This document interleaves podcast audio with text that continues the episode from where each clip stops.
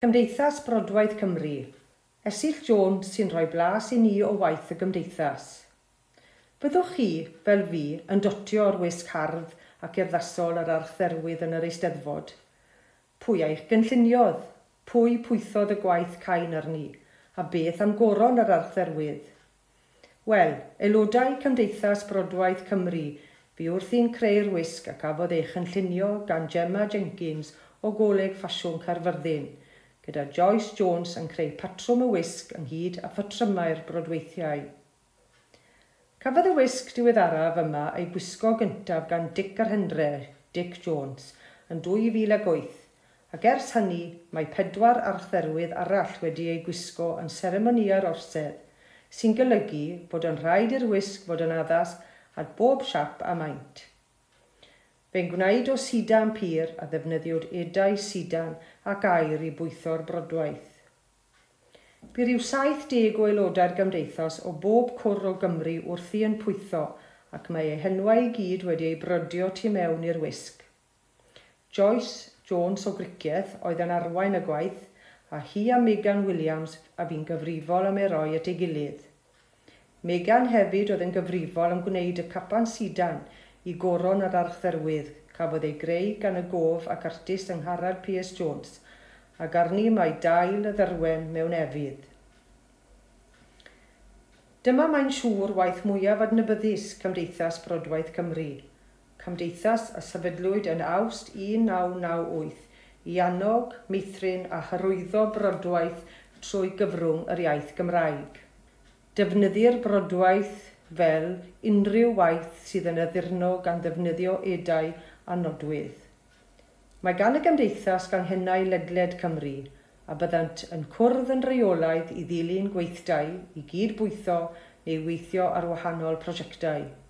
Canhelir penwthnos preswyl unwaith y flwyddyn, ran amlaf ym mhlas tan y bwlch, pan fydd pob aelod yn cael cyflio i weithio a phwytho mewn llonydd heb unrhyw ymyrraeth. Bydd y gymdeithas yn trefnu cyrsiau, teithiau ac arddangosfeidd hefyd, ac nid oes angen arbenigrwydd i ymuno. Dim ond diddordeb i fwynhau'r greff trwy gyfrwng y Gymraeg. Mae croeso i ddysgwyr Cymraeg cael cyfle i ymarfer yr iaith a dysgu'r grefft yr un pryd. Mae'n braf cael tiwtor adnabyddus i gynnal gweithdau yn y canghennau, a bu merched môn ag arfon yn cydweithio gyda Kevin Burgess rhyw bedair blynedd yn ôl ar arwain comisiwn i greu myrlun ar gyfer adeilad newydd yn Sein Fagan, sef y neuad ganoloesol Llys Llywelyn. Chwedl Branwen, ail ganc y Mabinogi, yw testyn y myrlun sy'n adrodd y stori mewn ffordd gymwys i'r cyfnod hwnnw. Mae'n wledd i'r llygad ac yn addurn môr briodol i'r adeilad – Cofiwch alw i weld pan byddwch yn ymweld y Sain Fagan. Prosiect arall unigryw a gyflwynid gan aelodau o'r gymdeithas oedd brodwaith i ddathlu cant a hanner o flynyddoedd ers i'r Memosa hwylio o Lerpwl i dde America ac i'r Cymru gyntaf lanio ym Mhorth Fadrin yn yr Ariannin. Yn y gwaith, gwelir y memosa yn hwylio, ond y brif nodwedd yw'r bwrdd te sef yr hyn mae pobl Patagonia yn ei ystyried yn rhywbeth traddodiadol Cymreig. Mae cynllun y plat, y gwpan a'r soser a'r tebot yn y gwaith yn seiliedig ar batrwn plat nad garw.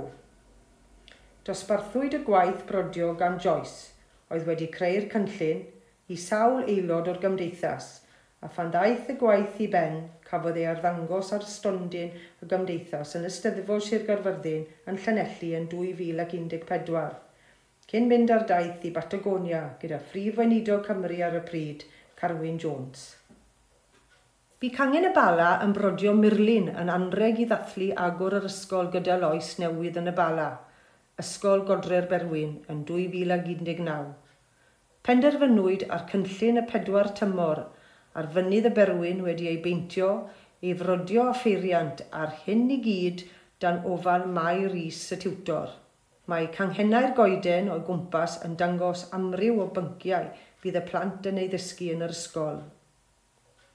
Dros cyfnod y clo, bu cangen cricieth unwaith eto dan gyfarwyddyd a chynllun Joyce Jones yn brodio ceiau map y degwm o'r ardal yn dilyn map 1839 a gwynio'r ceiau mewn gwaith di, ond mewn gwyrdd, pob ystod o wyrdd, i ddynodi'r ceiau.